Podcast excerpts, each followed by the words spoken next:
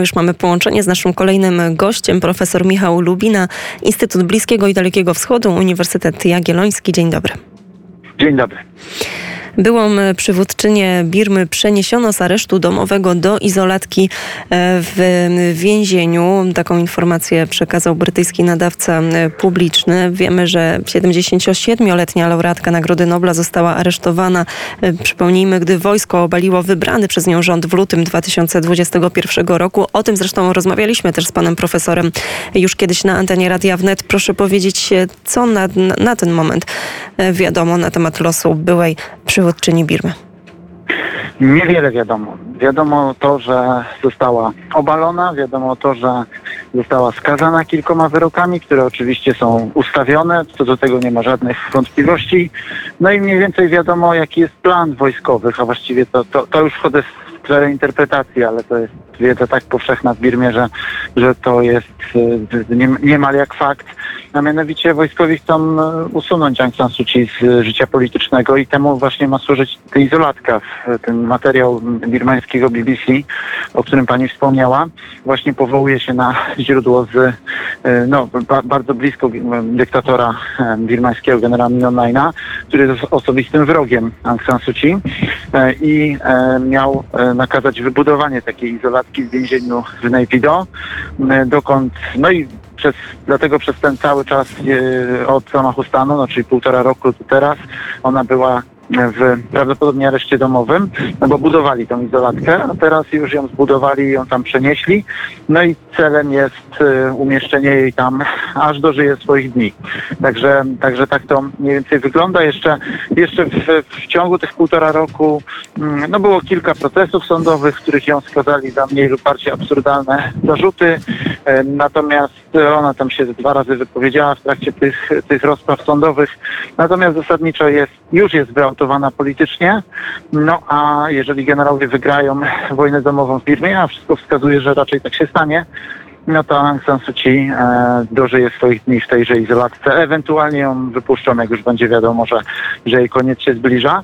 Natomiast, natomiast no, politycznie będzie skończona i szanse na to, że coś się odmieni są są małe, aczkolwiek nie są niemożliwe, dlatego że Birma jest krajem, który lubi zaskakiwać i, e, i a nuż będzie jakieś przetasowanie wśród generałów, jakiś, e, jakiś inny tam kontrpucz, czy, e, czy, czy może nawet partyzanci wygrają, no to wtedy Suci ma szansę powrócić. Natomiast to na ten moment jest beznadzieja.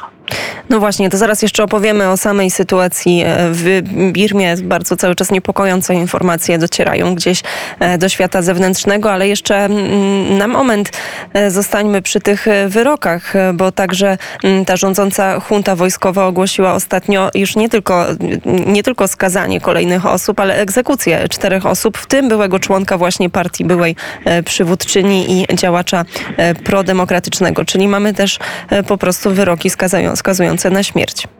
Tak, tak, no junta birmańska to się raczej życiem ludzkim nie przejmuje za bardzo, więc to, to, to, to nie jest jakieś szczególnie zaskoczenie. To, jest, to, są, to są generałowie, którzy w, w ciągu zeszłego roku zamordowali ponad tysiąc osób na ulicach, a, a pewnie dwa razy tyle w walkach na, na pograniczu. Także, że tam czterech kolejnych to, to im wielkiej różnicy nie robi. Natomiast ma Pani rację rzeczywiście, że to jest pewien symbol w tym sensie, że no przywrócili karę śmierci tak, jako, jako wykonywanie kary śmierci, co idzie dokładnie w poprzek praktyce międzynarodowej.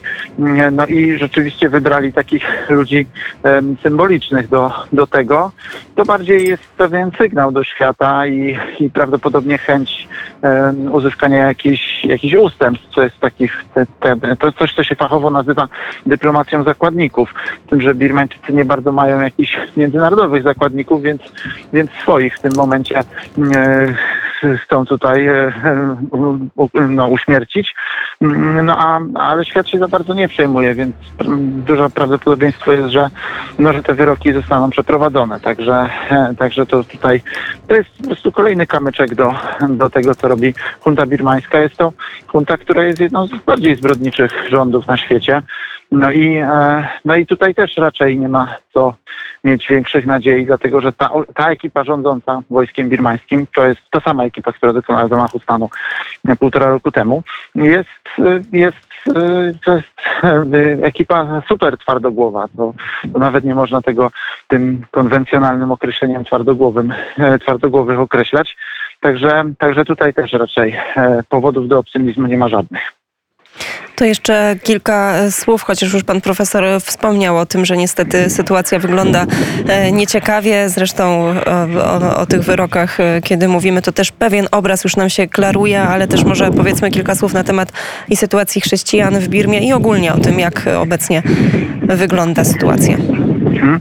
Znaczy, obecnie rządząca junta wojskowa to są nacjonaliści buddyjscy. To są, to są radykałowie buddyjscy, którzy zasadniczo uważają, że, no, że wszyscy mieszkańcy Birmy, czy wszyscy Birmańczycy, plus tam jest dużo mniejszości etnicznych, ponad 100, no, że powinni być buddystami. E, a jak nie są buddystami, no to jest jakiś przypadek um, kolonialny najczęściej, czy, czy e, no, efekt jakiejś machinacji, czy Brytyjczyków, czy, czy innego przypadku. No i w efekcie tępią te wszystkie mniejszości. No, na świecie bardziej znany jest bardziej znane jest ich tępienie muzułmanów. Natomiast no, chrześcijan, chrześcijan no, w porównaniu do muzułmanów obecnie to prześladują trochę mniej, ale kiedyś prześladowali bardziej, jeszcze 20 lat temu. Mm, e, to głównie wynika z tego, że, że część tych mniejszości etnicznych, no, które w żaden sposób nie mogła funkcjonować przy tej huncie, chwyciła za broni i powołała własne partyzantki. No i efekt jest tego taki, że doszło do takiej sytuacji, takiego przeklętego wyboru, no bo z jednej strony to albo, albo te mniejszości mają żyć jako obywatele trzeciej kategorii, bo nawet nie drugiej. E, i jeszcze tutaj pod presją buddyjską e, i, i, i, teraz mówię o wersji light, żeby była jasność, czyli że jak ktoś nie zostaje buddystą, jak ktoś nie, nie jest tutaj z głównej grupy etnicznej, czyli Birmańczyków, no to, no to zasadniczo jest obywatelem trzeciej kategorii, no albo próba zmiany tej, tej sytuacji i chwycenie za broń i powołaniem partyzantki, no ale to z kolei oznacza zemstę ze strony armii birmańskiej, ciągłe walki i, i, niszczenie wiosek i tak dalej. Także, także tak źle i tak niedobrze. No to część tych chrześcijan, mm, część tych chrześcijan e, się podporządkowała. To na przykład mamy Chinów w, w, na zachodzie kraju, e, ta, a część walczy znaczy, żeby była jasność, wśród tych też trochę walczy, ale mniej niż pozostałych. Natomiast, natomiast mamy Kaczynów na północy, ci walczą całkiem, e, całkiem dzielnie już od 1961 roku, także, także to jest dość sprawna partyzantka. Oni nawet mają taką, taki swój obszar wydzielony, taki Karabach trochę e, birmański. Lajza e, jest stolicą tego, tego obszaru. Tam jest niewidzialna ręka Chin. Tam Chińczycy ich wspierają dość, dość mocno.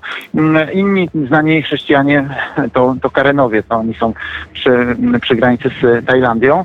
No im idzie trochę trudniej, bo niestety są bliżej centrum birmańskiego, a więc ich łatwiej, łatwiej e, armii birmańskiej ich pokonać.